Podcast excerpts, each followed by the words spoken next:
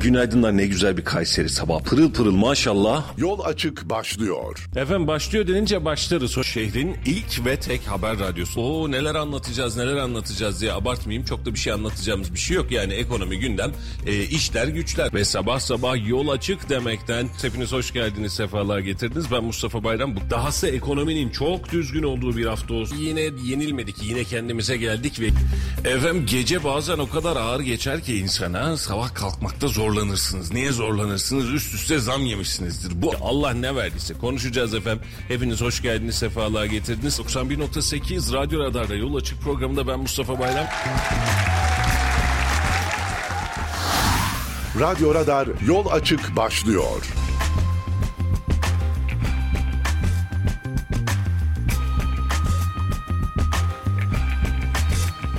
Sevgili izleyiciler, değerli dinleyiciler hepiniz hoş geldiniz, sefalar getirdiniz. 91.8 Radyo Radar'da bölgenin tek haber radyosunda ve Kayseri'nin en çok dinlenen sabah programında yeniden sizlerle beraberiz. Güzel bir gün olsun diyeceğiz ama hava yeterince aydınlık ve bence gayet de güzel görünüyor.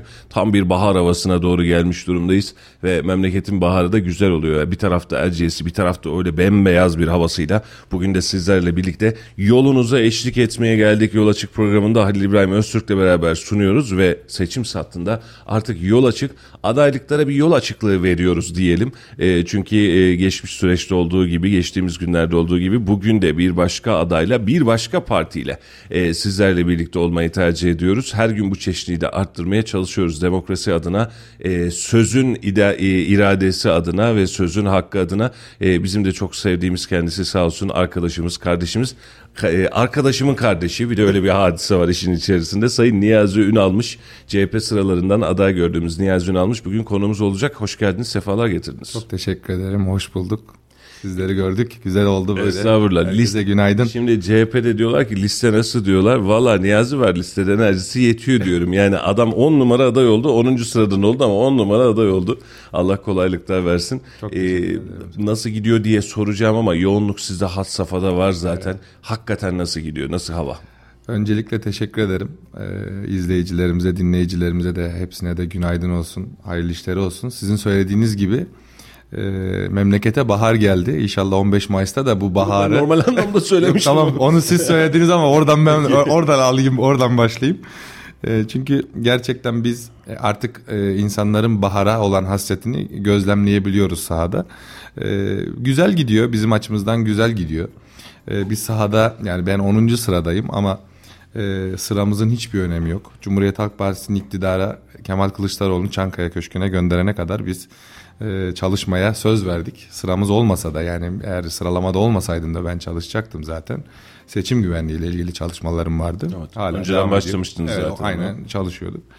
E, ama sizin söylediğiniz gibi hani siz başka bir anlamda söylediniz ama ben e, şunu söyleyebilirim. Ayın 29'unda biz bunu test ettik. E, ayın 29'unda gördük ki Kayseri bahara hasret ve bugünlerde baharın yaşama yani Kayseri baharı yaşamaya başladı ve biz 15 Mayıs'ta Kayseri'ye ve e, Türkiye'ye baharın geleceğini e, şu anda gözlemleyebiliyoruz. İnşallah o günlerde gelecek. Ama söylediğiniz gibi yoğun geçiyor. İnsanlar e, gerçekten e, bir değişim isteği içerisinde. Biz bunu e, dediğim gibi o 29'unda da gördük ve her gün bir ilçedeyiz. Bugün de yine ilçelerde olacağız. E, inşallah güzel olacak bizim için, ülkemiz için güzel olacak. Her şey güzel olacak. Şimdi ilçelere gidilmesini çok iyi anlıyorum. Tabii ki haklı bir sebebiniz. Bu size özel bir e, söylem değil. Tüm partiler için de geçerli. Partiler merkezdeki yoğunluklarını son haftaya mı bıraktı? Yani çünkü şimdi ilçelerdeki nüfusumuz var ama bir taraftan bir Talas'ın bir Mevlana mahallesi başlı başına başka bir muamma. Yani Koca Sinan, Melik Gazi burada daha fazla nüfuslar var. Ama partilerimiz ısrarla tabii ki bunun bir anlamı vardır onun için söylüyorum. İşte e, Bünyan, şey, Bünyan'dayız diyor. Yeşilhisar'dayız, Yahyalı'dayız. Hep buralarda geziyorsunuz. Merkeze gelmiyor musunuz diye düşünüyoruz. Evet şimdi şöyle aslında e, oy potansiyeli olarak e, tamamen merkezde yoğunlaşmış bir nüfus var ama e, işte Tomarza'daki Mehmet abinin de e, gönlünü almak gerekiyor ya da işte Sarıoğlan'daki Ahmet amcanın da gönlünü almak gerekiyor ve gerçekten yani sadece seçim seçim zamanında değil her zaman gitmek gerekiyor tabii ki hani bu seçim ziyaretleri oluyor ama e, Şimdi bizim e, gözlemlediğimiz yani bizim planımıza göre de son hafta tamamen e, şehir Merkezi merkezli bir çalışma var. E, ama bu süreçte de yani daha önce iki defa gittik. Üçüncü turumuzu atıyoruz biz. Üçüncü turumuzda e, tamamen ilçeleri bitireceğiz. Biz pazara kadar bu önümüzdeki pazara kadar. Ondan sonraki e, pazartesinden e, işte cumaya kadar da e, şehir merkezinde programlarımız var. Tabii ki işte e, toplu insanların toplu olarak e, Bulunduğu bulunduğu, yerlerde daha çok çalışmalarımız olacak. E, ama bununla ilgili dediğim gibi son haftaya bırak bırakmamızın sebebi e, tamamen ilçeleri bitirip ve en çok insanların yoğun olduğu yani Son hafta merkezde daha rahat daha daha rahat ve artık insanlar hani dışarıya gitme gelme işlerini tamamen bırakıp tamamen şehir merkezinde organizasyonlarını yapması için. Öyle bir düşüncemiz var. Ee, Ali Bey buyurun. Hoş geldiniz tekrar. Hoş bulduk. Niyazi Bey, abi. işlerinizde, çalışmalarınızda bizler de başarılar dileriz. Teşekkür Şimdi, ederim. e, Millet İttifakı üzerinden istiyorum. En son Van'da yapılan e, Ekrem İmamoğlu'nun da birlikte katıldığı bir e, mitingde HDP'nin de e, bayraklarını gördük. Şimdi tabanda Yeşil sol diyelim. Yeşil sol. Hala alım ağzımıza alışılmış. Tabanda bunun bir rahatsızlığı var mı diye ben e, gittiğiniz yerlerde, ilçelerde ya siz işte terör örgütüyle iltisaklı olan bir partiyle birlikte yol al- yol alıyorsunuz gibi bir söylemle karşılaşıyor musunuz yoksa bunu da oldukça doğal Ya- olarak mı? En büyük soru bu zaten. Şimdi seçim şimdi şöyle e, sahada en çok bize yöneltilen söylemlerden birisi bu. Ama ben Halil abi şunu söyleyebilirim. Artık e, Cumhur İttifakı'nın elinde e, bir koz kalmadı. Sürekli bir iftira siyaseti üzerinden. Sürekli e, nasıl söyleyeyim? Yani ellerinde Millet İttifakı'na ya da özellikle Cumhuriyet Halk Partisi'ne yöneltebilecekleri bir argüman kalmadı. Çünkü önce öncelikle şunu tartışıyorlardı. Şunu söyleyebilirim. Kemal Kılıçdaroğlu çıkarsa biz çok rahat Kazanırız. yeneriz diyorlardı. Şimdi bu tartışma yavaş yavaş sona erdi. Şimdi Kemal Kılıçdaroğlu baktı, bakıldı ki artık insanları bir araya getiriyor. Artık insanlar Kemal Kılıçdaroğlu ile ilgili ön yargılarını kırmış durumda ki bunu birazdan anlatacağım. Dün daha bir amcamız bize anlattı. E, ve birleşe birleşe kazanacağız gibi bir söylemle yola çıktı. Hiç kimseyi ötekileştirmeden, hiç kimseye ya sen böylesin demeden ve kendi e, bulunduğu durumu, yaşantısını, insanlığını, işte dilini, dinini, ırkını neyse inancını tamamen toplumun önüne sererek ve kendisini de bu şekilde kabul ettirerek e, bir dünya görüşü ortaya koydu ve insanlar da artık bu nefret dilinden, artık bu iftira dilinden e, bıkmış durumda. Yani biz sahada yani ben çok yakın bir zamanda yaşadığımız örneği vereyim. Cumhuriyet Meydanı'ndan gazeteciler cemiyetinden e, esnaf sanatkarlar kooperatifine giderken o pastırmacıların olduğu bölümden geçerken bir tane pastırmacı abi esnaf orada. En arkada ben yürüyordum. 10. sıradayım ya en arkada yürüyorum o yüzden. Şimdi dedi ki siz PKK'lısınız dedi. Ben de istemsiz arkamı döndüm.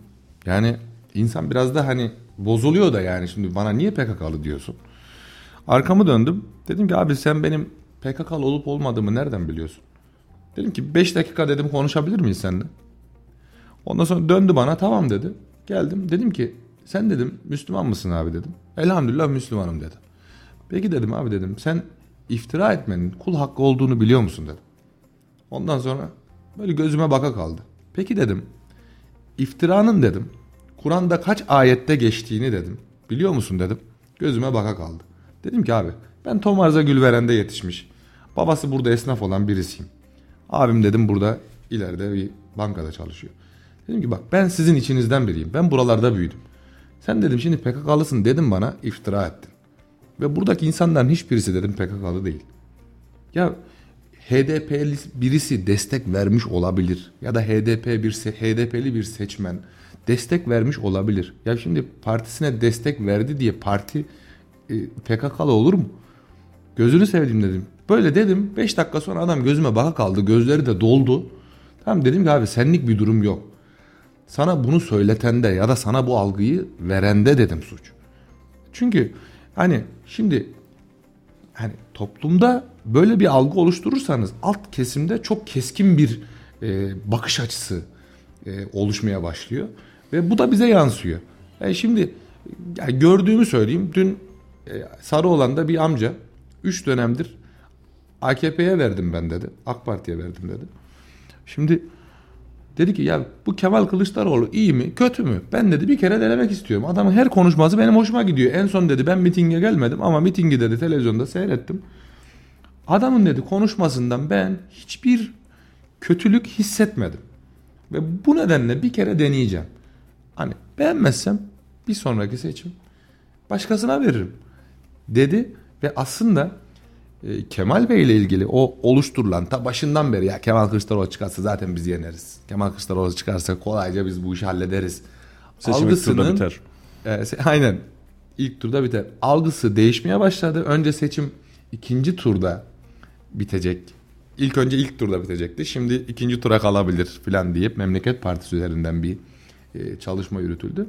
Şimdi benim gördüğüm partimizin programları, partimizin yapmış olduğu mitingler. Tabii ki mitingler başlı başına bu işin göstergesi değil ama benim gördüğüm artık insanlarda bir değişim isteği var ve bu değişim isteği sahalara yansımaya başladı, meydanlara yansımaya başladı. Abi ben çocukluğumdan beri mitinglere giden birisiyim. Aileden bir siyasi geçmişimiz olduğu için. Ben aklım erdiğinden beri ilk defa böyle bir heyecanlı miting yaşadım. Bilmiyorum hani kendim aday olduğum için mi böyle onu bilmiyorum ama ben e, yukarıya çıktığımda sahneye çıktığımda insanlardaki insanların gözündeki o heyecanı gördüğümde ben çok heyecanlandım. Gerçekten o fotoğraflara da yansımış yani böyle değişik bir e, hale bürünmüşüm. E, gerçekten ben e, bir değişim isteğinin oluştuğunu düşünüyorum. E, ve Cumhur İttifakı'na e, bir sizin aracılığınızla da bir çağrıda bulunmak istiyorum. Çünkü gerçekten insanlar artık bu nefret dilinden, bu iftira dilinden usanmış durumda. Yani Allah korusun ben hiçbir MHP'li kardeşimin, hiçbir AKP'li kardeşimin burnunun kanamasını istemem. Onların zarar görmesini istemem. Yani hiç o kadar da söylemim içerisinde yani hazırlığımın içerisinde bir tane iftira yoktur. Yani bilmediğim yani hukukçu olmamın e, en büyük e, hani sonuçlarından birisi belki bu. E, yani bilmediğim bir şeyi araştırmadan ya da işte gerçeğini öğrenmeden kesinlikle karşı tarafa isnat etmem. Ya şimdi ya Cumhuriyet Halk Partisi eğer PKK ile bağlantısı olan bir parti ise ve bununla ilgili eğer içerisinde insanlar varsa ya devlet şu anda AKP tarafından yönetiliyor.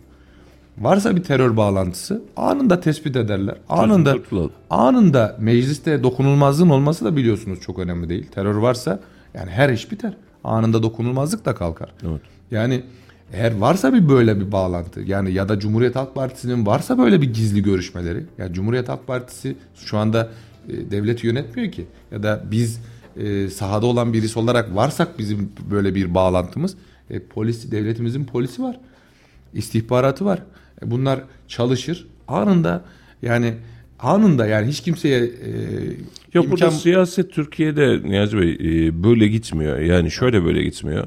Bundan iki ay, üç ay öncesinde dün de konuştuk aynı hadiseyi.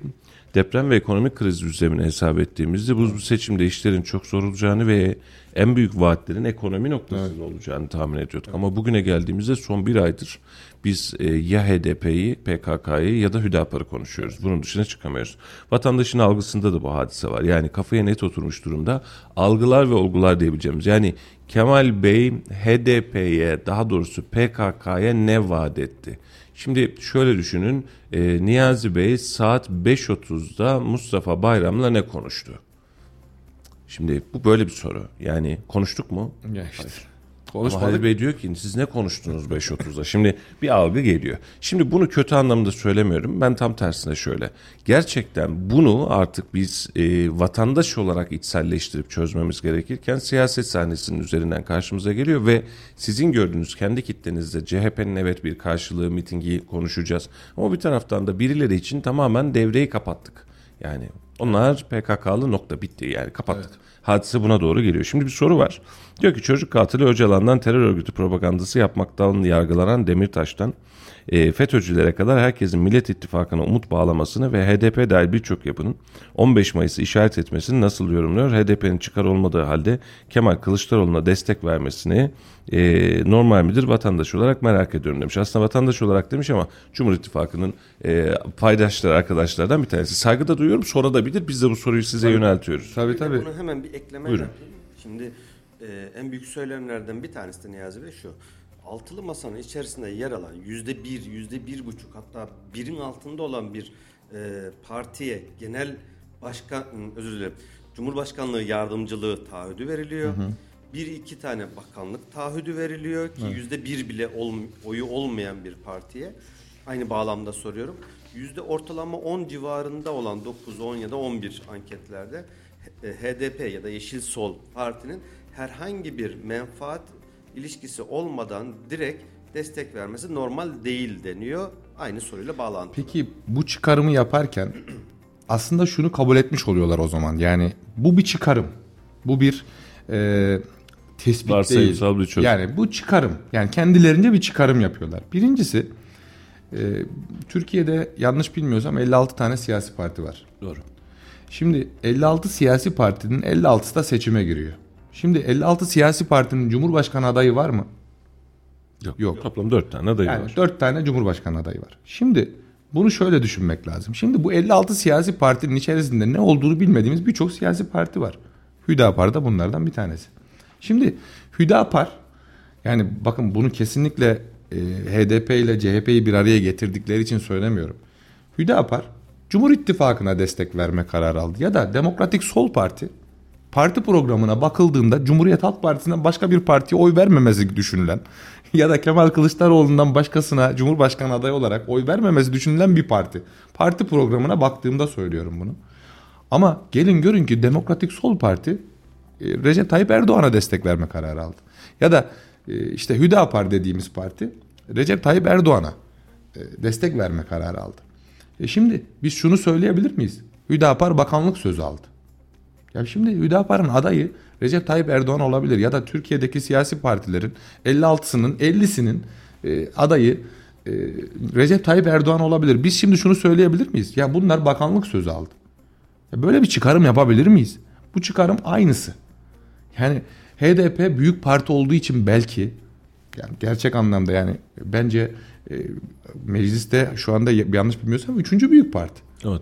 Yani şimdi üçüncü büyük parti olmasından kaynaklı böyle bir iftira siyaseti üretiliyor.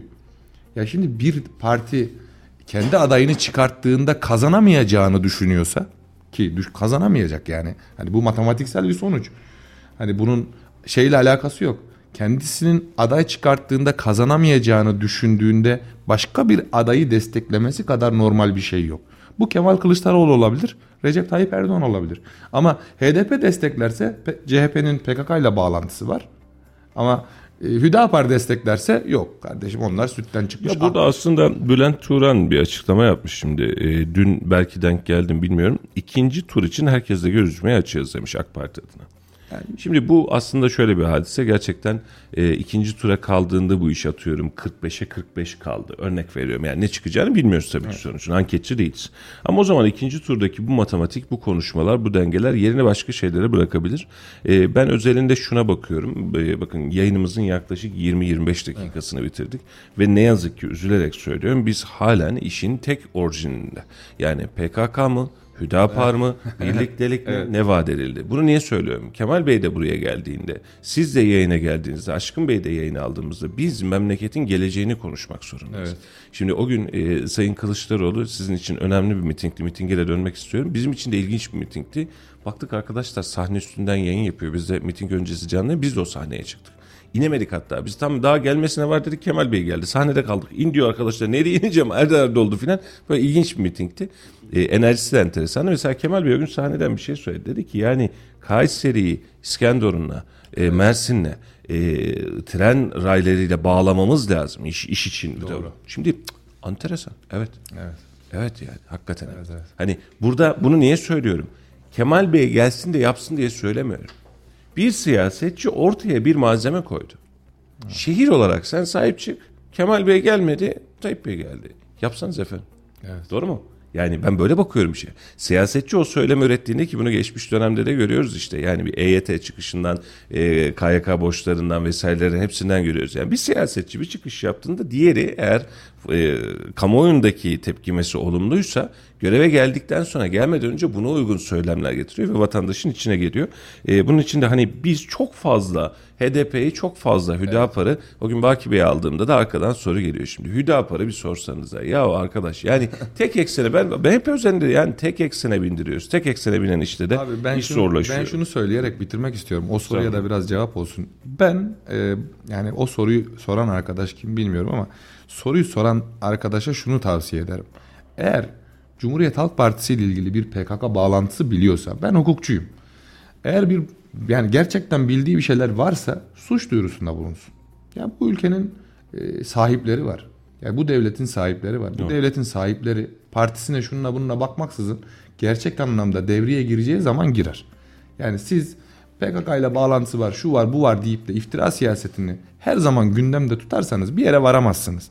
Esas vatandaşın gündemi ekonomi sizin söylediğiniz gibi. Yani Sadece bunu... ekonomi üzerinde değil Güneş Bey. Şimdi hukukla alakalı, liyakatle alakalı, eğitimle alakalı, e, bizim ciddi planlamayla alakalı problemlerimiz var. Biz bunu yani yeni değil biz iki yıldır yayınlarda konuşuyoruz. Evet. Buna AK, AK Parti'de gelen vekil adaylarımızla da aynısını konuşuyoruz. Evet. Aynı sorulara gidiyoruz. Çünkü tek orijin altında bak şu anda da hala sorular geliyor. Size saygı duyuyorum sevgili izleyicilerimiz, sevgili dinleyicilerimiz. Gerçekten bu anlamda biz bir e, toplumca bir dolduk yani şu an itibariyle. PKK, HDP, Demirtaş çıkacakmış söz mü verdiniz? Evet. Niye vermediniz? Siz buna Masanın altından ne vaat ettiniz? Bu sorular gerçekten biz daha önce denedik. Çok kısır sonuçlara gidiyor. Evet. Yani Kayserimizde, şehrimizde CHP sıralarından aday olan Niyazi Ünalmış var. Ben ee, abisi arkadaşım olduğu için İmam Hatip'te beraber okuduğumuz için abisiyle onun için söyleyeyim. E, ben e, Niyazi Bey'den terörist olmayacağını biliyorum. Hatta dahası bu memlekette listelerde bulunan hiçbir arkadaştan hiçbir şekilde vatan evet, hain olmayacağını, aynen, vatana aynen. zarar verecek insanlar olmadığını biliyorum tüm listeler için. E şimdi biz Kayseri'ye bir aday getirmişiz. Kayseri'ye ne yapacaksınız? Teşkilat nasıl gidiyor? Teşkilat toplayacak mısınız diyeceğiz. Ama HDP ne olacak? Şimdi bunu kısacık anlatayım. Çok özür diliyorum. Bu önemli. Ee, biz buradan İşkembe Kübra'dan çok fazla atıyoruz. Herhalde yıl 2008-2009 filandı yanlış hatırlamıyorsam ya da 2007 idi. Hakkari bölgesinde bir belgesel çekmeye gittim. Bir bakanlık işiydi. Yaklaşık bir hafta 10 gün boyunca e, hem Van hem Hakkari hem Hakkari kırsalı. Orada çok enteresan gözlemlerim oldu. Dönünce dedim ki yani orada göründüğü gibi değilmiş. O zaman buradan çok atıyorduk. Saadet Partisi'nden zannedersem bir aday arkadaşımız var. Seçilecek bölgeden değil ama severiz. Dedi ki abi televizyondan beni çağırdılar dedi ben yayına çıkacağım dedi. Hayırlı olsun dedim. Abi dedi PKK ile alakalı ne söyleyeceğim dedi. O gün dedim ki değerli dostum gittin mi oraya? Hayır. Biliyor musun alanı? Hayır. Oranın milletvekili misin? Hayır. Niye sen konuşuyorsun? Eğer biz bunu konuşacaksak doğru mu? Şimdi parti genel başkanlığı düzeyinde, genel politikalar düzeyinde konuşalım. Ee, Hakkari'nin, Van'ın örnek veriyorum. Oradaki milletvekili yapma mekanizmasında bunu konuşalım. Kayseri'nin bağrında sanayi ne olacak efendim? Ticaret ne olacak? Ee, bizim yollarımız, akışlarımız, esnafımızın kredi imkanı bunlar açıl Bak bunları konuşmamız evet. lazım. Şu an itibariyle ilk yarım saatimizde sadece bunu konuşuyoruz. Bunun için ne olur kusurumuza bakmayın. Sizi anlıyoruz. Sizin o içsel duygularınızı anlıyoruz ama memleketin şu an itibariyle net bir şey söyleyeceğim bunu. E, kim gelirse gelsin. Yıllardır tarafsız yayıncılık yapmaya çalışıyoruz. Hiç kimse bu memleketi bölmeye gücü, kudreti evet. yetmez. 15 Temmuz'da bence bunun sokaklarda, evet. meydanlardaki en önemli cevabı. bir örneği. Şu anda da yani birilerinin e, bu mantığıyla bakmaktansa ben şehrim adına, ülkem adına, ekonomim adına, gençlerim adına, eğitimim adına neler yapabilirim? Bunları konuşmam lazım. Aklı başında siyasetçi olarak, e, aklı başında vatandaş olarak bunları sorgulamamız lazım. Ama biniyoruz iki cümlenin arkasına, iki cümleyle seçim bitiriyoruz. Sonra efendim bunlar ne olacak? Konuşsaydın zamanında yani. O, o hak bir kez geliyor. Vatandaşın da bir kez konuşmak var.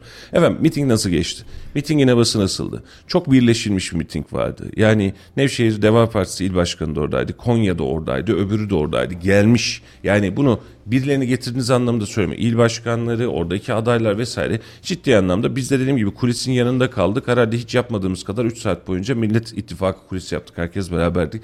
E, durum nasıl? E, miting nasıl? Mitingin şehirdeki yansıması nasıl? Şimdi şöyle e, ben e, hani başta da söyledim. Aday olduğum için mi çok heyecanlıydı bilmiyorum ama e, insanların dönüşlerinden şunu anlıyorum ki e, gerçekten e, uzun yıllar sonra yaklaşık işte babam da babamla da konuştum yaklaşık 30 yıl sonra e, gerçekten heyecanlı bir seçim mitingi olduğunu evet. söylediler.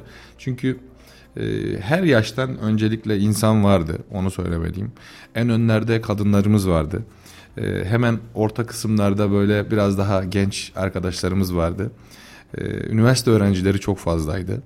Hani sizin söylediğiniz gibi siyasi partilerin temsilcileri de vardı. Altılı Masa'nın bütün e, çevre illerdeki temsilcileri de geldi. Onlara zaten davet gönderildi. E, ama e, kesinlikle şunu söyleyebilirim. Hani e, bizim Kayseri'deki mitinglerin genelde böyle bir şeyi var. İşte yok şu fabrikadan bu kadar gelsin, yok bu işte kamu kurumundan bu kadar gelsin gibi bir çalışma kesinlikle olmadı. Zaten öyle bir Cumhuriyet Halk Partisi'nin durumu da yok, gücü de yok.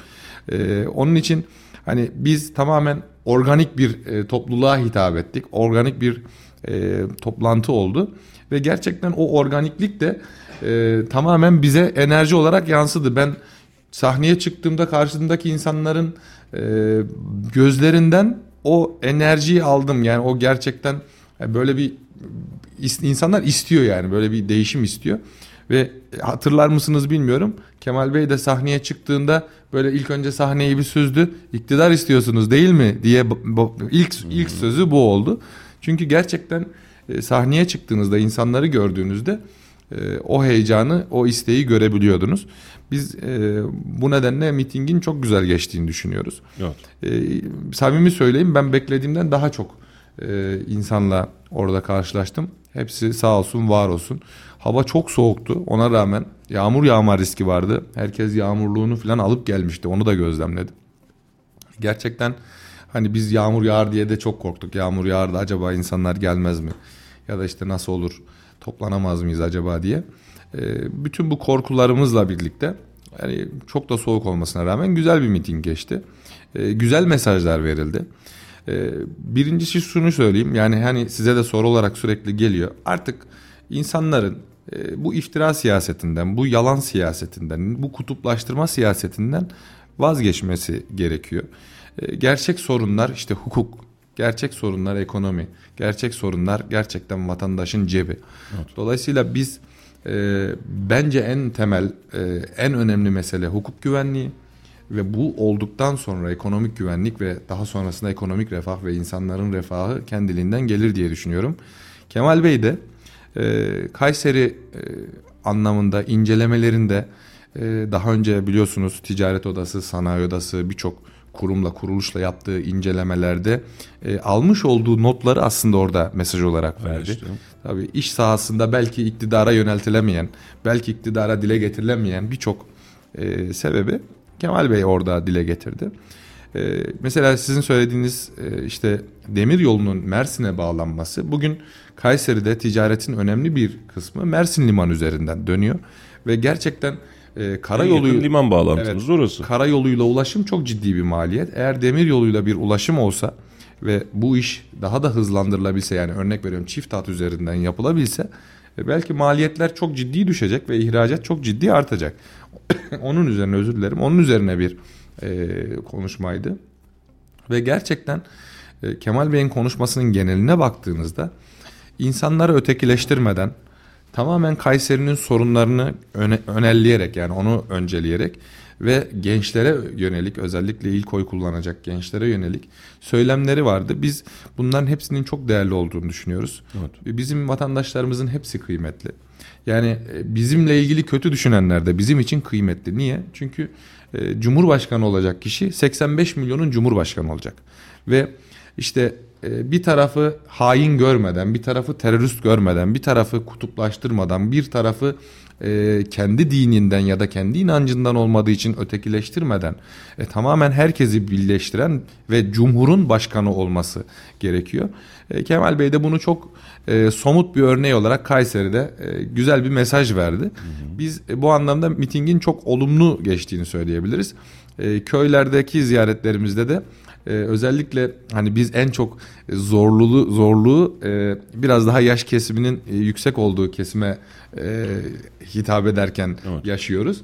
E, gerçekten dünkü amcaların konuşmalarından ben e, daha da umutlandım. Çünkü o kesime çok e, anlatamıyoruz ya da onların ön yargıları aşılamıyor. O yüzden e, mitingin güzel geçtiğini düşünüyorum. Evet. E, yani Ee, ben başarılı bir miting buldum onu söyleyeyim. İyi Parti'nin mitinginin 2-2,5 katı civarında vatandaşın olduğu, e, enerjinin yüksek olduğu bir mitingde havanın soğuk olmasına rağmen e, bugüne kadar herhalde Kayseri'de yapılan birçok mitinge gidiyoruz ve hemen hemen hemen hemen demeyeyim hepsine de canlı yayında veriyoruz şimdi. Cumartesi gün Tayyip Bey'in de mitingi var. Tayyip Bey'in mitinginde canlı vereceğiz. Meral Hanım'ınkinde verdik. Muharrem Bey gelecek onunkinde vereceğiz. Yarın meydana örnek olarak veriyorum. İşçi Partisi ben meydan mitingi yapacağım derse onu da canlı vereceğiz. Yani kimsenin bu anlamda merak olmasın. Biz bu anlamda tarafsız ve net kalmaya çalışıyoruz ama mitingin enerjisi havası güzeldi. Bunu söylemek lazım. Ee, söylemler iyiydi. Havaya rağmen evet pozitifti. Ee, ama siz de buna vakıfsınız. Biz de vakıfız. Ee, hep söylüyorum bir önceki seçimde Sayın Muharrem İnce e, meydanı Cumhurbaşkanı Tayyip Erdoğan'dan daha fazla doldurmuştu. Ama Tayyip Bey bu memlekette %70.3 alarak mutlaka. 3 oy alarak Cumhurbaşkanı seçildi. Oradaki inanmışlık seviyesi, oradaki enerji önemli. Yani yoksa meydanlarda oluyor mu? Şimdi e, vatandaş şöyle düşünüyor. Efendim meydanda 150 bin kişi, o meydan 150 bin kişi almaz canım abicim. Yani o meydanın alabileceği çok, sen çok dolu gördüğünde 70, 80, 90 bin kişi civarında insan görürsün. E, şu an itibariyle de çok doludan kastettiğim de hınca hınç. Yani kalenin duvarlarına tırmanacak artık desen o kadar adam görürsün. Ama bu köpürtürüyor. 100 bin vardı, 200 bin vardı, 300 bin vardı. Benim de bir siyasetçimiz. Dedi ki ne diyorsun dedi. Ben dedim ki o zaman işte 25 bin filan civarı dedim. Ya dedi hiç mi ayakları saymadın dedi. Ayakları başları ayrı sayacaksanız bu ayrı bir hadise. Ama bir deli bir kuyuya taş attı. E, ciddi söylüyorum bunu yani 150 bin, 200 bin, 500 bin. Ya o kardeşim el insaf. Yani siz gerçekten 100 binin ne demek olduğunu bilmiyorsunuz o kitle iş görmemiş ya da hiç dayak yememişsiniz yani. 100 bin insanı topladığında yer gök adam olur almaz. İstasyon caddesi, düven önü, Hunat dahil doldursan ancak alırsın o rakamı. Zaten şu da var şimdi Kayseri'de toplam oy kullanacak kişi sayısı 1 milyon 50 bin. O, yani ne demek bu? 18 yaş ve üzeri oy kullanacak akıl sağlığı yerinde olan kişi. E Şimdi meydana hadi en fazla gelsin gelsin 30 bin olsa 50 bin kişi bile desek oy kullanacak kişinin yüzde beşi. Geriye kalan bir yüzde 95'lik kesim var. Tabii, ki e, meydanların hınca hınçta olması işte İzmir'de gördük. Hem AK Parti e, hem CHP Kılıçdaroğlu tarafından miting. Ankara öyle. Şimdi bir de e, bu hafta mıydı hafta sonu? İstanbul'da Evet.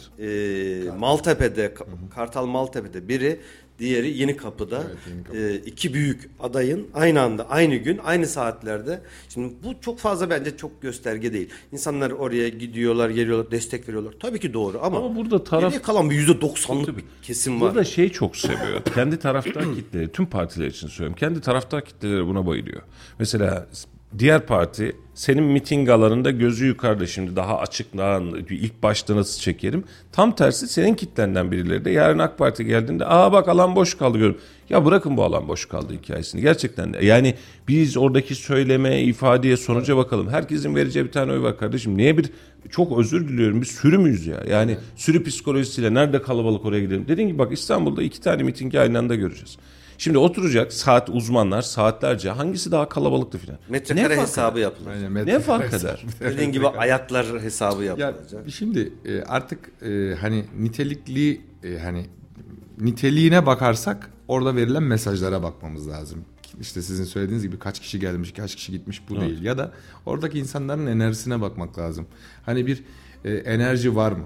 Yani öyle ki 100 kişi olur ama bir enerji verirler. Hani ben bunu hep şeylere benzetiyorum. Hani bir stada gittiğinde bazen 50 kişi oluyor ama 1000 kişiyi susturabiliyor. Ya bir kapalı kaleyi düşünsene. Aynen. Stadyum dolu 30 bin tane adam var. Kapalı kale 2000 tane maksimumda orada 2000 kişilik bir kitle var. Stadı inletiyor. Evet. Bu Aynen, aynen buna ve oradaki e, nitelikli çoğunluğun verdiği mesaja bakmak lazım. Yani o mesaj ne? Biz o mesajı nasıl alırız e, ya da genel başkanlar bu mesajı nasıl verir? Buna bakmak lazım. Ama üzüldüğüm bir şey söyleyeyim mitingle ilgili. E, şimdi biz Cumhuriyet Halk Partisi olarak 29'unda miting olacağını yaklaşık 10 gün öncesinden e, biliyorduk ve bununla ilgili duyurular, izinler alınmıştı.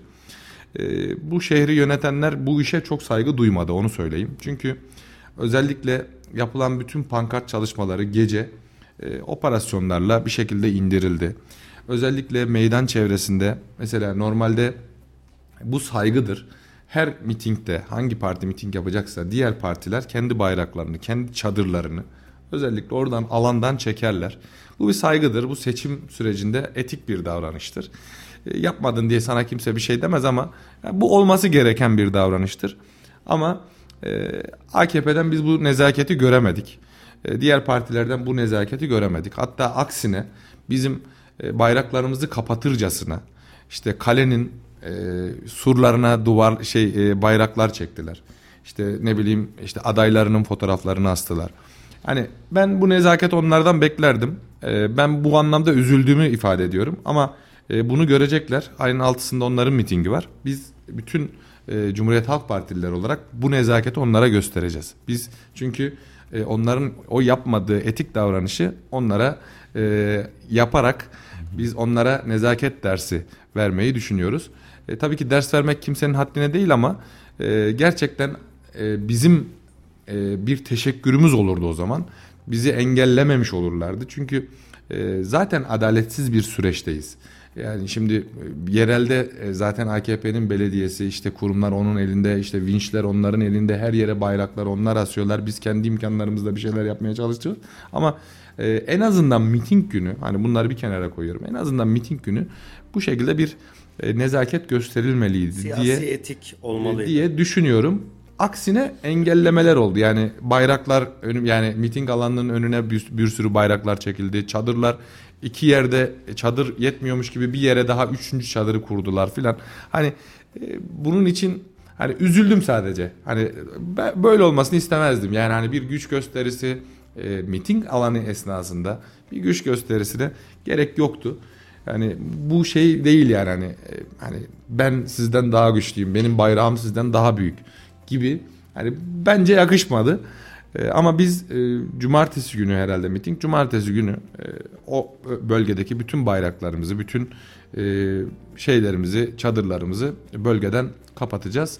Onlara e, demokrasi şöleni bu bir demokrasi şölenlerini en güzel şekilde gerçekleştirmeleri Mesele şu ki kazasız belasız evet, tüm mitinglerimiz tabii, bitsin. Ee, parti genel başkanları bir kez değil mümkünse keşke 20 kez gelsin. Bunu evet, çok samimiyetle tabii, söylüyorum. Çünkü her geldiklerinde Kayseri özelinde Kayseri özel söylemlerle beraber geliyorlar.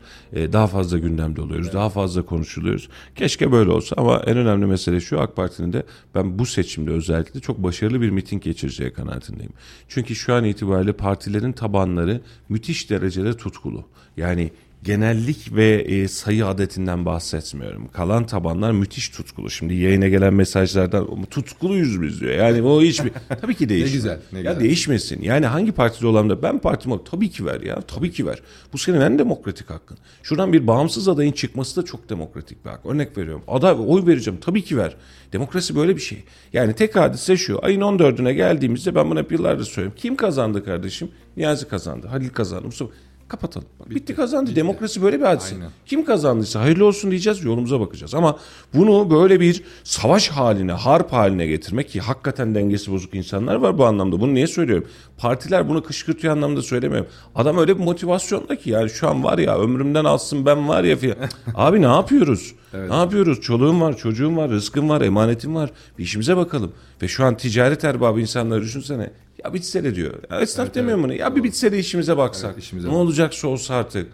Yani birazcık daha bu işlere demokrasi anlamında, memleket anlamında çok daha rahat bakmamız evet. lazım. Yani kavgayla, gürültüyle, nizahla geçirebilecek hadise değil bizim için. Mustafa abi şöyle bir şey söyleyeyim. Ben her gittiğim ilçede yani ziyaretler esnasında e, Cumhur İttifakı'na mensup partilerin ilçe binalarına da giriyoruz ve onlara da seçimlerde başarılar diliyoruz.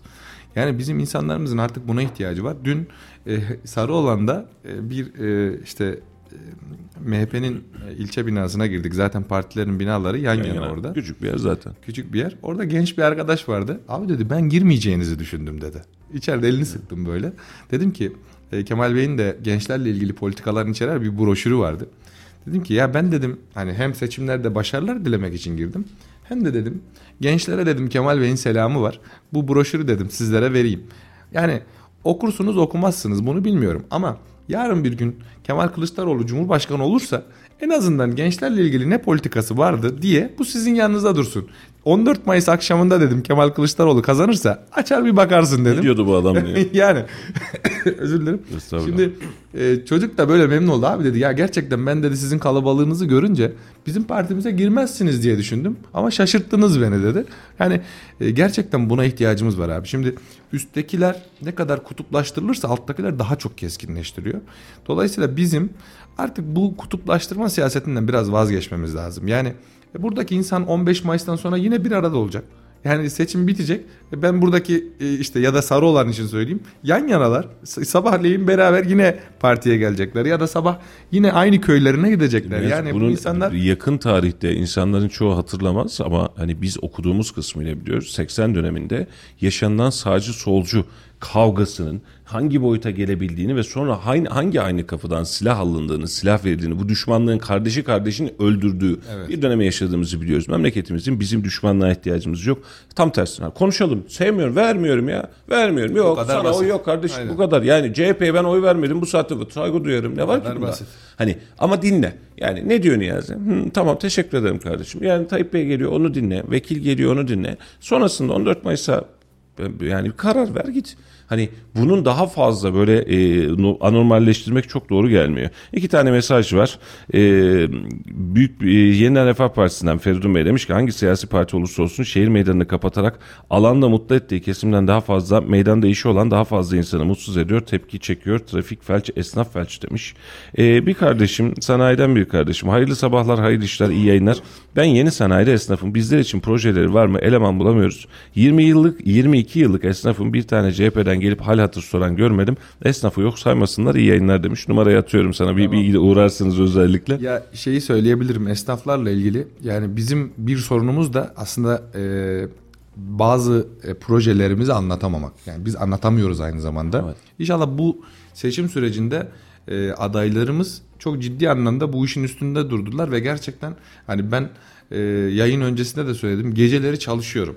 Çünkü insanların bilmeye ihtiyacı var. İnsanların Cumhuriyet Halk Partisi iktidara gelirse yani kendiyle ilgili ne projesi var bunu bilmeye hakkı var ve bunu anlatmamız lazım. Ama tabii ki işte yayınlara çok az süre çıkabiliyoruz ya da vatandaşla işte her yere gitme imkanımız olmuyor ki kardeşimize e, en kısa zamanda bir ziyaret Ayıp yapalım. etmişsiniz. Aynen doğru e, bizim ayıbımız. E, şimdi şöyle bir şey söyleyeyim. E, esnaflarla ilgili Esnaf Ticaret Bakanlığı'nın kurulması e, projesi var Cumhuriyet Halk Partisi'nin ama esnaflarla ilgili istihdam projeleri de var. E, kardeşimize şunu söyleyeyim. E, eğer internet elinin altındaysa e, Bize yazdığına göre öyle. Aynen. Cumhuriyet Halk Partisi'nin sitesine girip e, altı partinin ortak mutabakat metnini, ortak politikalar mutabakat metni ki bir tanesi de benim yanımda. Ben bunu sürekli yanımda tut- tutuyorum. Çünkü her gittiğimiz yerde ihtiyacımız oluyor ve burada gerçekten altı siyasi parti Cumhuriyet tarihinde görülmemiş şekilde bir hazırlık yapmış durumda. 256 sayfa 2400 maddede eğer iktidara gelirlerse ne yapacaklarını planlamış durumdalar.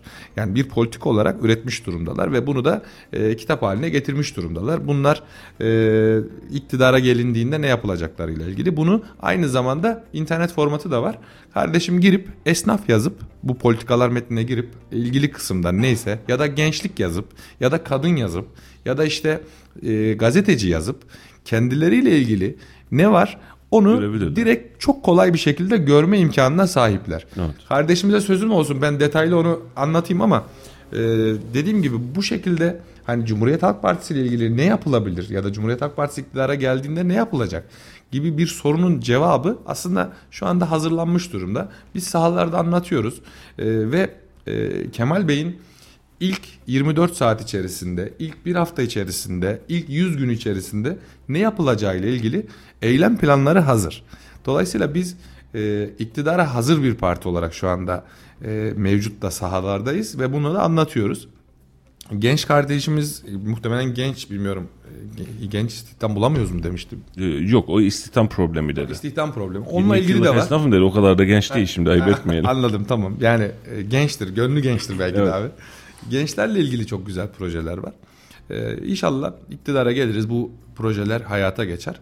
Ee, ve dediğim gibi hani esnaflarla ilgili de onları kalkındırmaya yönelik E, aklıma gelenlerden birkaç tanesini söyleyeyim. E, esnafı vergi yükünden kurtaracak, işte stopaj yükünden kurtaracak e, planlar, projeler var. Bununla ilgili taahhütler var. İnşallah iktidara gelirsek onları biz birer birer hayata geçireceğiz. Peki. İnşallah. Şimdi bir taraftan da e, yine parti genelinde söyleyeceğim. Mesela TOK, köprüler. Geçmiş dönemde Kemal Kılıçdaroğlu Bey'in e, Sabiha Gökçen Havalimanı için söylemleri. Diğer taraftan işte Karadeniz gazı ile alakalı söylemler. Acaba diyorum bir taraftan da bunlar devam edecek mi? Bir vizyon var mı? Daha farklı bir vizyon var mı? İşte bir tarafta fabrikası nerede deniliyordu. Ne, mesela Muharrem İnce de TOG'u geçtiğimiz 2-3 yıl içerisinde oldukça fazla eleştirmişti. Gerek yok, ne gerek var gibi bir Muharrem İnce'nin bile e, enteresan çıkışları vardı. İşte geçmiş dönemde Sabiha Gökçen Havalimanı'na niye yapılıyor, buraya kim inecek, kim gelecek? Hatta S-400'ler için niye aldık söylemleri vardı. Şimdi vatandaş gözünden soruyorum. Bunu bir e, gazeteci, bir haberci olarak değil, vatandaşın kafasındaki soru işaretlerinden biri. Havalimanlarına karşıydı. E, bunca şeye karşı çıkarken bir taraftan. Şimdi bunların her biri memleket için faydalı şeyler mi? Herhalde köprülere, Avrasya'ya, e, Osman Gazi Köprüsü'ne, İstanbul'a e, köprüsüne ya da doğalgaza herhalde hiç, kimse karşı gelmez. Savunma sanayindeki gelişmeleri. Kimse karşı gelmez. Bir taraftan Sezgin Tanrıkulu'nun İHA, İHA'larla alakalı söylemleri, Ali Babacan'ın dokunacağız sözleri gibi gibi vatandaşın kafasındaki soru işareti. Acaba geldikten sonra bunlar devam edilecek yoksa bunlar köreltilecek, arka plana mı atılacak, daha iyisi başka bir vizyonla yapılacak mı diye bir soru Şimdi şöyle söyleyeyim. Halil abi. Ee, genel başkanımızın birçok kanalda söylediği bir husus var. Önce oradan başlayayım. Bu teknolojiye yönelik, işte ülkenin gelişmesine yönelik her türlü savunma sanayi de var bunun içerisinde normal yatırımlar da var. Her türlü projeyi destekleyeceğini açık gönüllülükle söyledi, samimiyetle söyledi. Yani e, şöyle algılar var ya yok işte SİHA'ları kapatacak, İHA'ları kapatacak. Yani ülkenin menfaatine olan bir şeyi ülkeyi kurmuş bir partinin genel başkanı ve iktidarda herkesin cumhurbaşkanı olacağını söyleyen bir partinin kapatacağını söylemek biraz abesle iştigal gibi e, gözüküyor benim gözümde, benim nazarımda ki genel başkan her söyleminde bu bu bu bu bu, bu tarz sorularda her söyleminde bunları devam ettireceğini söylüyor. Yerelde de şunu söyleyebilirim. Biz e, Cumhuriyet Halk Partisi milletvekili adayları olarak her gittiğimiz alanda bunlarla ilgili projeleri destekledik. Ama karşı çıktığımız bazı şeyler var mı? Şunlar var. Mesela ben söyleyeyim karşı çıktığımız ne? Mesela bir işin maliyetini, bir işin e, hani projesini gerçekten hesap etmeden bir garanti taahhüt edilerek birisine veriyorsanız biz bunu doğru bulmuyoruz. Niye? Çünkü maliyeti zaten o işin e, taahhüt edilen kısmından çok düşükse onu devletin kendisinin yapmasını söylüyoruz. Şimdi Uşak Havalimanı yanlış hatırlamıyorsam garanti taahhüt edilerek yapılmış bir havalimanı. Mesela havalimanı dediğiniz için aklıma geldi. Ya şimdi e, hani düşünülen ve hani vaat edilen e, sonuçlarda yüzde bir tutmuş oradaki yolcu sayısı. Yani bin yolcuysa bir tanesi gelmiş. Bin yolcu taahhüt edilmişse bir tanesi gelmiş oraya. E şimdi siz bununla ilgili bir çalışma yapmadan, bununla ilgili bir e, Fizibilite çalışmadan, maliyet çalışmadan böyle bir taahhüt içerisine girerseniz e, biz burada bunun yanlış olduğunu ve devletin sırtına bunlar kambur. Bunlar devletin bütçesine kara delik. E, bunun gibi yapılan köprüler de var. Siz 99 yıl taahhüt ettiğiniz bir köprüyü 3 yıllık maliyetine 3 yıl içerisinde o taahhüt ettiğiniz rakamlar ya da 5 yıl içerisinde taahhüt ettiğiniz rakamlar içerisinde yapabiliyorsanız e, siz burada bir sorun var demektir. Yani siz devletin kaynaklarını birilerine veriyorsunuz demektir. Zaten Kemal Bey çıktı her e, konuşmada da bunu söylüyor. Yani diyor ki bizim vatandaşımızın parasını biz başkalarına yedirmeyeceğiz. Vatandaşımız hakkını alacak. Zaten 2023 seçimleri sloganı Türkiye hakkını alacak. Çünkü gerçekten bizim kaynaklarımız bize yeter. Ya ben 37 yaşındayım. Çocukluğumuzda abi siz bilirsiniz. Türkiye kendi kendine yetebilen ülke söylemi. Yerli malı haftalarıyla Yani bunları anlattık. Yerli malı haftalarında bunu söylerdik. İşte ne bileyim Konya'nın tahıl ambarı olduğunu söylerdik. İşte etin işte ne bileyim meyvenin kendi kendine yettiğini söylerdik. Ha nüfus artıyor ama teknoloji de artıyor. Yani tarım da teknolojiyle yapılmaya başladı. Yani bizim e, hani her e, yapılan projeye tabii ki saygımız var ama E, bir yandan da bunun e, gerçek uzmanları tarafından tartışılıp işte e, maliyetine biz yaparsak ne olur ya da işte bizi bize mali yani bize yükü ne olur hani biz yapamıyorsak eğer bize yükü ne olur bunların tartışılmadan e, el altından ihale kanunu 192 kez değiştirerek siz bazı ihaleleri yapıyorsanız burada bir sorun var demektir. Yani e, Cumhuriyet Halk Partisi içerisinde de sizin söylediğiniz hani ona da geleceğim.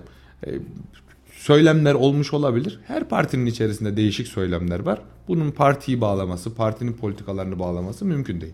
E, hani bununla ilgili süreçler işletilir, işletilmez o ayrı bir şey ama e, Cumhuriyet Halk Partisi'nin devletin yatırımlarına yönelik, devletin savunma sanayisine yönelik yatırımlarına yönelik kesinlikle bir tasarrufu olamaz.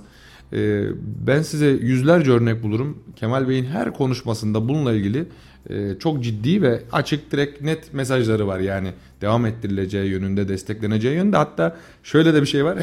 Geçtiğimiz günlerde Twitter'da görmüştüm. Kemal Bey e, Bayraktar ailesine bir mesaj veriyor. Onların mesajını alıntılayarak, tweetleyerek. Diyor ki ya bu kadar siyasi olmayın. Biz sizi destekleyeceğiz.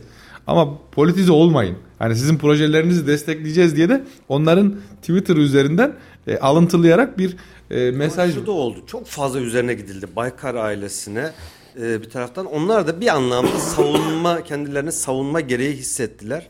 E, belki ondandır. Bir soru daha sormak istiyorum. Ee, her Son olsun kapatacağız. Tamam. Ee, her platformda, mitinglerde yine Kemal Kılıçdaroğlu Bey'in bir taahhüdü var. 300 milyar dolar meselesi. Ee, uyuşturucu baronların parasını Türkiye'ye getireceğim söylemleri var. Öyle ya da böyle. Fon şirketleri diyelim bir şey diyelim. Biz borçlardan ve dış borçtan ne kadar çok bunu e, azaltmamız lazım diye düşünürken 300 milyar dolar havadan bize gelmiyor. Hibe de olarak da gelmeyecek. Alın kardeşim bizim fazla paramız var. Bunu siz kullanın da demeyecek. E o zaman şimdi bu 300 milyar dolar ne için geliyor? Türkiye'ye tekrar sırtına dış borç anlamında bir yük değil midir? Hangi alanlarda kullanılacak diye Yok, bir soru şimdi sorsun şöyle 300 milyar dolar uyuşturucu baronlarının parasını parasını getireceğim demedi. dedi. Yok. Uyuşturucu orada bir şey var. yok, yok, şöyle. Defalarca farklı ortamlarda bunu cümleleri Şimdi kurdu. 300 milyar dolar yatırım getirileceğini söyledi. Ama şu, bu şununla ilgili. O konuşmanın başına sonuna bakarsanız ülkede bir hukuk güvenliği sorunu var. Öncelikle biz en büyük söylemlerimizden bir tanesi hak, hukuk, adalet. Hak, hukuk, adalet siz ülkenin tüm kurumlarına yerleştirirseniz ki bence 21 yıllık AKP iktidarında en çok zarar görülen alan yani ben de avukatım e, hukuk alanı. Yani siz adaletsizlik adaletsizlik bir ortamda yatırım yapmayı düşünür müsünüz? Böyle bir ortama gelir misiniz? Gelmezsiniz. Siz bir anda bir gece bir kararnameyle şirketlere el koyarsanız, bir gece bir kararnameyle X kişisini ya da bir gece bir tweet attı diye birisini e, evinden alırsanız o ortama hiç kimse gelmek istemez. Dolayısıyla da bu yabancı yatırımlar, yabancı paralar Türkiye'ye gelmez. Birincisi şu, biz dışa bağımlı hale getirildik. Bu paralara ihtiyaç duyar hale getirildik. Yani illa birisine borcumuzun olmasına gerek yok. Biz kimseye borcumuz olmadan da dışa bağımlı hale gelebiliriz. Dün yine gittiğim sahadan örnek vereyim. Vatandaşın bir tane şunu söylüyor. Köylünün durumu iyi diyor. Ben de dedim ki ya Allah Allah dedim şaşırdım şöyle. Diyor ki en kötüsünün diyor hani en iyisinin diyor pardon en iyisinin 300 milyar bankaya borcu var diyor. Böyle iyi diyor. Ha yaşıyor diyor. Hani Köylü ucuz krediyi çok rahat buldu bu dönemde işte doğru. yo, yo, hani ama borcu var diyor. Hani borcu olmayan kimseyi bulamazsınız köyde diyor. Herkesin borcu var diyor. Ya şimdi yani biz Birçoğumuzun var borcu. hayır şöyle birçoğumuzun var ama hani bir yandan yaşamalıyız. Bir yandan ölmemeliyiz ama bir yandan da refah içerisinde yaşamalıyız. Dolayısıyla bizim e, hani yatırım getirmek anlamında ilk önce adaleti sağlamamız lazım. Kemal Bey'in bütün söylemlerinde bu var. Hukuk güvenliğini sağlarsak biz insanlar yatırıma gelir. Belki bu 300 milyar dolar değil 500 milyar dolar olabilir. Bu hani şöyle hazırda bekleyen bir para değil. Hani aldım geldim şuraya kullanacağım gibi bir para değil bu. Bu e, taahhüt edilen Sistemin yatırımlar. parası diyorsunuz. Tabii yani, yani- sisteme oturtursak Tabii gelebilecek ki para taahhüt olarak. edilen bir para. Yani siz gerçekten bir e, adaletli bir sistem oluşturursanız yani kusura bakmasın kimse. Ben avukat olarak siz gazeteci olarak şunu söyleyebilir misiniz? Türkiye'de adalet var mı? Ben avukat olarak 13 yıllık avukatım. Yani X dosyasında aynı dosya olsa bile Y dosyasında farklılaşabiliyor. inceleyen hakime göre değişebiliyor. İnceleyen katibe göre değişebiliyor. Yani şimdi katip öyle bir anlatıyor ki bazen hakimlerden dosyaları okumayan da oluyor. Yani şimdi inceleyen katip bazen bir bakıyorum böyle güzel güzel araştırmış buralara bunları yazmış. Aynı aynı dosya bir bakıyorsun ötekinde hiç ne yazı yazılmış ne bir şey olmuş. Bir dava 3 ay sürüyor. Bir dava 3 sene sürüyor. E şimdi burada bir adaletten bahsedebilir misiniz? Bahsedemezsiniz. Bunların e, hani temelinde adaletsizlikler var. Temelinde hukuk güvenliği var. Hukuk güvenliği olduğunda bu ülkeye yatırım da gelir. Bu ülkeye e, hizmet de gelir. Bu ülkeye refah da gelir. Kemal Bey'in bütün söylemlerinde bu var. Yani ben uyuşturucu baronlarının falan bunu bilmiyorum böyle ben bir izlemediğim ben, için bir şey ben de bilmiyorum. ben de böyle bir şey duymadım ilk defa sizden. duydum. Kaynakla alakalı konularda söyle. Uyuşturucu Yayından var. sonra ben size göstereyim. Tamam olur. Ben şey soracağım yani yayında sonuna geldik ama bu kısım önemli. Oldu ya 14 Mayıs'ta hani bilmiyoruz ne olacağını gerçekten çok bıçak sırtı bir seçim. Ee, Kemal Bey Cumhurbaşkanlığını kazandı. Evet. Adaleti düzeltmeniz, ülkenin ekonomisini düzeltmeniz ya da dediklerinizi yapmanız nasıl bir süre alacak? Yani e, bu ittifak modeli içerisinde çünkü benim en büyük sıkıntım bu. Çok harmanlanmış bir ittifak modeli var. Evet sloganınız da bu. Birleşe birleşe kazanacağız diyorsunuz. Tamam birleşe birleşe kazanılır bu iş.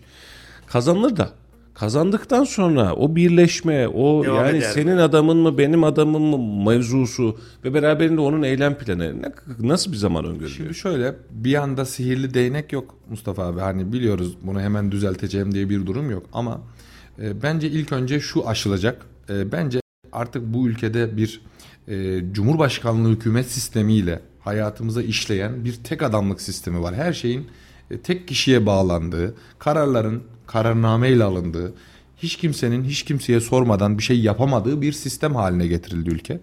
Ve bunun en önemli örneğini de depremde yaşadık. Ben depremde 3 gün Adıyaman'da kalmış birisiyim.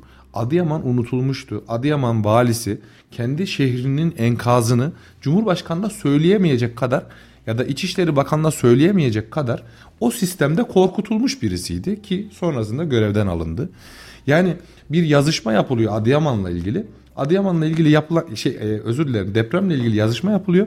Adıyaman yok içerisinde. Yani Adıyaman'da bir yıkım olduğu ile ilgili bir bilgi yok. Çünkü vali vermemiş. Yani vali diyor ki Adıyaman'da bir yıkım var. Biz kendi imkanlarımızla bunu halledebiliriz diyor. Mustafa ben Adıyaman'a 3. gün akşam gittim. Adıyaman'da 4 tane sağlam bina kalmıştı. Bu 4 tane sağlam binanın 3'ü devlet binasıydı. Bir tanesi de normal herhalde bir vatandaşın binasıydı. E, valilik, adliye, e, ticaret borsası gibi bir ya da ticaret odası gibi bir şeydi. Bir tane de normal bir vatandaşın binası. Şehir merkezinden bahsediyorum. Bizim Cumhuriyet Meydanı gibi düşünün. 360 derece her şeyin yıkıldığını düşünün. Şimdi böyle bir yıkım var ama vali İçişleri Bakanlığı'na ya da Cumhurbaşkanı'na doğru talimat veremiyor. Doğru bilgi veremiyor ve inisiyatif alamıyor. Şimdi şehir yıkılmış ve aslında Cumhuriyet'in yani bu iktidarın en büyük zararlarından bir tanesi. Cumhuriyet'in bütün kurumlarını bu Cumhurbaşkanlığı hükümet sistemi adı altında biz e, mahvettik, enkaz haline getirdik. Yani bir kurumdaki bir müdür üstüne sormadan inisiyatif alamaz hale geldi. Bir vali İçişleri Bakanı'na sormadan inisiyatif alamaz hale geldi. Bizim valimiz yani kaç gün Maraş'a gitti, Elbistan'a gitti işte. Maraş'taydı sonra Elbistan'a geldi sonra Adıyaman'a gitti. Bu şunu gösteriyor. Ya oradaki insanlar yok mu? Oradaki vali yok mu? Hani inisiyatif alamaz hale geliyor. Artık e, yani ben bu arada teşekkür de etmek istiyorum. E, Vali Bey'e gerçekten yani ben sosyal medyadan takip ediyorum. Oradaki insanlardan birkaç tane dönüş aldım. Çok ciddi e, böyle Kayseri'den gerçekten e, yardımlar oraya kanalize etti. Çok güzel bir organizasyon yaptı ki depremde en çok e, organizasyon eksikliği vardı. E, bu bunun için ayrıca teşekkür ediyorum. İnşallah bir gün tanışırız. Tanışmak kısmet olmadı. E, şimdi böyle kurumlar içleri boşaltılmış hale geldi Cumhurbaşkanlığı hükümet sistemiyle. Biz Cumhurbaşkanlığı hükümet sistemini eğer değiştirecek bir e, meclis yapısına sahip olursak e, bu süreç hızlanabilir. Evet. Ama e, bu çoğunluk elde edilemezse bunu bilmiyorum. Bu çoğunluk elde edilemezse artık bu çoğunluk elde edilene kadar mevcut sistem devam edecek. Yani Cumhurbaşkanlığı hükümet sistemi Cumhuriyet Halk Partisi tarafından kullanılacak ama daha adil kullanılacak. Yani bunun e, sözünü taahhüdünü verebilirim. Çünkü e, gerçekten insanlar ötekileştirilmeden politikalar uygulanabilir. E, bunu dediğim gibi ortak politikalar mütabakat metninde e, biz söylüyoruz. Keşke şöyle bir simülasyon olsa. Orası oraya bir koysak bir görsek. Öbürünü Son bir- koysak bir görsek ona göre karar versek. Son bir soruyla, kısa bir soruyla bitirelim. Şimdi e, Altılı Masa'nın en büyük taahhütlerinden bir tanesi e, parlamenter sisteme dönmek. Yani daha önceki sisteme dönmek. Cumhurbaşkanlığı önümüzdeki hafta yapılacak seçimden sonra e, Millet İttifakı kazanırsa ne kadarlık bir süreç içerisinde tekrar parlamenter sistemi geçmeyi planlıyorlar? Önümüzdeki örnek veriyorum iki yıl sonra biz tekrar bir seçime gideceğiz anlamına mı geliyor bu? Şimdi şöyle yani bununla ilgili bir süre yok en kısa zamanda diye bir taahhüt var. İşte bu da şuna bağlı. Eğer siz Meclisteki mecliste yoğunluğuna bağlı. E, anayasayı değiştirecek çoğunluğu elde edebilirseniz ki bu şu anda 400 gibi duruyor. Yani işte e, 3'te 2 çoğunluk gibi duruyor. 3'te 2 çoğunluğu elde ederseniz yani 400 milletvekilini alırsanız Millet İttifakı olarak süreci ilerletmek çok kolay. Ama ben şunu Alamazsanız da referanduma götürürsünüz. işte ya da referandum işte 360 olursa da 360 oluyordu herhalde. 360 olursa da e, referanduma gitme şey olabilir ama ben şundan çok eminim. Vatandaş bu işten çok rahatsız. Çünkü ver kardeşine bu yetkiyi dedi. Sıfırlayacağım dedi. Doları düşüreceğim dedi. Her şey tam tersine çıktı. Ve yine burada zarar gören vatandaş oldu. Yani bu sistemin en çok zararını yine vatandaş gördü. Dolayısıyla biz hani bunların hepsini e, yani değiştirecek güce sahip olursak bu süreçler kısalacak. Hani bu bir yıl, iki yıl, üç yıl, beş yıl bunu bilmiyorum ama hani Cumhurbaşkanlığı göreve geldiğinde hani beş yıl yani isterse seçime gitmeyebilir ama e, Kemal Bey'in söyleminde en kısa sürede diyor eğer meclis çoğunluğunu elde edersek en kısa sürede e, tekrardan e, parlamenter güçlendirilmiş parlamenter sisteme geçiş için bir seçim olacağını söyleyebiliriz. Efendim e, güzel sohbet için teşekkür ediyoruz. E, sizi kardeşimiz olarak, arkadaşımız olarak seviyoruz. Bu e, siyaset dışında da bir gündem. Sağ olsunuz hep e, pozitif yaklaştınız. E, özel günlerimizde, anlarımızda, muhabbetlerimizde, desteğinizde hep vardınız. E, onun için biz Niyazi Ünalmış'ı CHP'li bir vekil adayı olmasının ötesinde başka bir yerde görüyoruz ama biz vatandaşlarımızla da bunu konuşalım, anlatalım. Birazcık da e, CHP'nin sesini de artık duyalım. Hani şu alanlarda ne oluyor, ne bitiyor, ne yapıyorsunuz efendim diye duyalım istedik. Hoş sohbetten dolayı teşekkür ediyoruz. E, sevgili izleyicilerimiz müsaade isteyeceğiz. Son bir notunuz varsa dinleyelim yoksa kapatalım. Tamam teşekkür ederim Mustafa abi. Aynı şekilde ben e, bir milletvekili adayı olarak değil de burada sizin kardeşiniz olarak olmaktan sağ e, daha daha mutluyum. E, teşekkür, teşekkür ederim yer verdiğiniz için her zaman veriyorsunuz ve bu anlamda basının özgür olduğunu biz sizlerle hissediyoruz. Bugün de 3 Mayıs Dünya Basın Özgürlüğü Günü. Son sözümü böyle kapatmak istiyorum. Gerçekten ee, özgür basının e, en önemli seslerinden birisi Kayseri Radar. Her zaman bize yer verirler. Cumhuriyet Halk Partisi'ni ötekileştirmezler. E, çünkü gerçekten yasama, yürütme, yargı kadar e, dördüncü büyük erk bize e, hukuk fakültesinde öğretilen en önemli şeylerden bir tanesi buydu. E, dördüncü erk, dördüncü büyük erk basın der, denirdi. Dolayısıyla biz bunu gerçekten o, o anlamda anlayamasak bile biz şimdi avukat olarak sahalarda siyasetçi olarak çok ciddi anlıyoruz. Gerçekten basına bu anlamda çok değer veriyoruz. Sizlere de ben teşekkür ederim. E, son sözümü şöyle söyleyeyim ben. E, 2022 Dünya Basın Endeksine göre 180 ülke var ve burada Türkiye 149. sırada 2022 yılında. E, ben inşallah bunun e, Dünya Basın Endeksine göre Dünya Basın Özgürlüğünde Türkiye'nin birinci sıraya e, geldiği işte e, Norveç, Danimarka, İsveç gibi ilk üçte e, olmasını e, dilediğim günlerin gelmesini istiyorum ve inşallah Cumhuriyet Halk Partisi iktidarında da e, en önemli üzerinde duracağımız şeylerden bir tanesi de e, basının özgürleşmesi ve gerçekten basının ekonomik anlamda bağımsızlığını elde etmesi. İnşallah güzel günlerde buluşmak dileğiyle diyorum. Teşekkür İnşallah. ederim. Çok teşekkür ediyoruz. Sevgili Kayseri Radar ve Radyo Radar izleyicileri, dinleyicileri hepinize takip ettiğiniz için, katıldığınız için, mesajlarınızla bize ulaştığınız için çok çok teşekkür ediyoruz. Bugün de yayının sonuna geldik. Yarın yine bu saatlerde sizlerle beraber olacağız. Yarın ilginç sürpriz bir isim var. Ee, bir, bir, bir, bir parti geçişi yapan bir, e, peki hadi söyleyelim Hasan Sami Özverinli e, bizlerle birlikte olacak. Yarın sabah da Hasan Sami Bey birazcık sıkıştıracağız bakalım ne olmuş, niye geçmiş diye. Ee, inşallah yarın da sağ salim sizlerle bir de, burada oluruz. Ee, yarına kadar kendinize iyi bakın efendim. Hoşçakalın.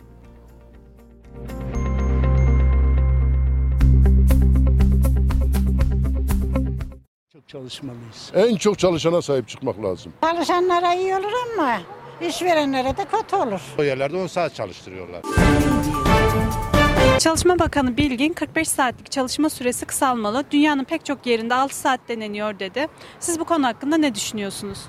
Ee, bu konuyu kesinlikle destekliyorum. Çünkü ülkemizde vatandaşlarımız çok fazla çalışma saatleri içerisinde çalışıyor. Ailelerine ve kendilerine vakit ayıramıyor. Ee, bu konuda işverenler de daha düşünceli olursa zaten kendi işlerine de verimli olarak yansıyacağını düşünüyorum. 8 değil daha da çok çalışmalıyız. Benim kanaatim öyle. İhtiyacımız var. Bu ülkenin ihtiyacı var çalışmaya. Güzel bir şeydir. Bu dünyanın her yerinde değişti artık. Herkes 6-7 saate çekti. Bizim ama Dersim'den bile işçilere ne dedi? Bir saat aşağı indirdi. 15-20 bin maaş verdi. Tabii ki iyi olur. Niye iyi olmaz? Bizim ülkede en çok çalışana sahip çıkmak lazım. Çalışan emektardır. Çalışan bir kesim bütün insanlara faydası olan bir kesimdir. Bunlara sahip çıkmadığı zaman ülkene de sahip çıkamazsın. Bunu herkes dikkate alıyorsa her şeye ulaşabilir. Yazık çalışan çok eziliyor ve bir yere varamıyor. Açlık seviyesinde olduğundan dolayı. Madem ki askeri ücret 8,5 milyarsa de, kamu kuruluşlarında çalışanlara da 8,5 milyar versin. Onlara gelince 20 milyar, 25 milyar fabrikada çalışan personele 8,5 milyar. Bunu Allah kabul etmez ve Allah soracak herkese. Gerek kim olursa olsun başımızda. Onun için herkese Allah yardımcısı olsun. Allah hayırlısı hangisi onu başımıza getirsin. Verimli olmak için vatan millet için çalışacaksın ya. 8 saat ya 12 saat çalışacak. Çalışana ekmek de çok, para da çok. Düşürülmesi bence. Devlet zarar olur. 6 saat çalışacak. Ne üretecek zaten? İşe gidiyor zaten çayıymış, yemeğiymiş. Ondan sonra vakit doluyor. Ne yapacak o zaman? 3 saatte 3 saatin bir saate gider zaten. Zaten ayrılıyorlar. Türkiye'de olan tatil nerede var ki? Kimde var ki? Hiç kimse de yok. Hangi devlette var bu kadar tatil? Kar yağıyor tatil. Ramazan bayramı tatil. Dini günler tatil. Resmi günler tatil. Hep tatil. Herkese oluyor. Zaten yüzde 15 milyon emekli var. Zaten hep tatil yapıyorlar. Kimse çalışmıyor. İyi olur. Hem işsizliğe önleme açısından çalışma süreleri kısaldığı için daha fazla insan çalışabilir. O, o açıdan iyi olur yani. Hem biraz yatmaya meraklıyız ya. Ondan da bizim milletin hoşuna gider. Saat kaçta gidecek? 8'de gidecek. 9, 10, 11, 12, 13, 14. 2'de çıkacak. Olmaz ya. Ne yapacak ondan sonra?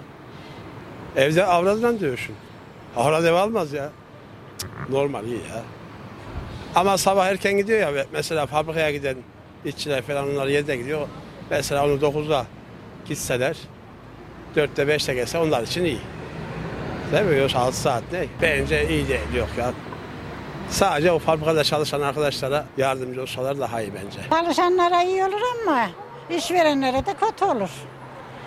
Düşürmesin bence. Bence çok iyi. Yani zaten insanların dinlenme süresi falan da kalacak. Normal 8 saat değil de 6 saat. Bence gayet iyi. Bence ülkemiz için güzel bir e, düşünce olduğunu düşünüyorum. Yani hani ileride benim için de gayet iyi bir yani hem sosyal çevrem açısından hem aileme vakit geçirme açısından çok iyi bir şey olduğunu düşünüyorum. İnşallah güzel sonuçlanır. Türkiye'de çalışma koşulları zor, ekonomiye de kötü gidiyor. Çünkü demokrasilerin askıya alındığı ülkelerde ekonomi ve hukukun askıya alındığı ülkelerde her zaman ekonomik refah kötüye gider. Türkiye'de de zaten demokrasi, hukuk askıya alındığı için çalışma koşulları da zor. Güzel bir şey yani. iyi bir şey, güzel bir şey olur. En azından ailemizden fazla durup bir yerlere giderek yani 8 saatte çoğu, çoğu yerlerde 10 saat çalıştırıyorlar.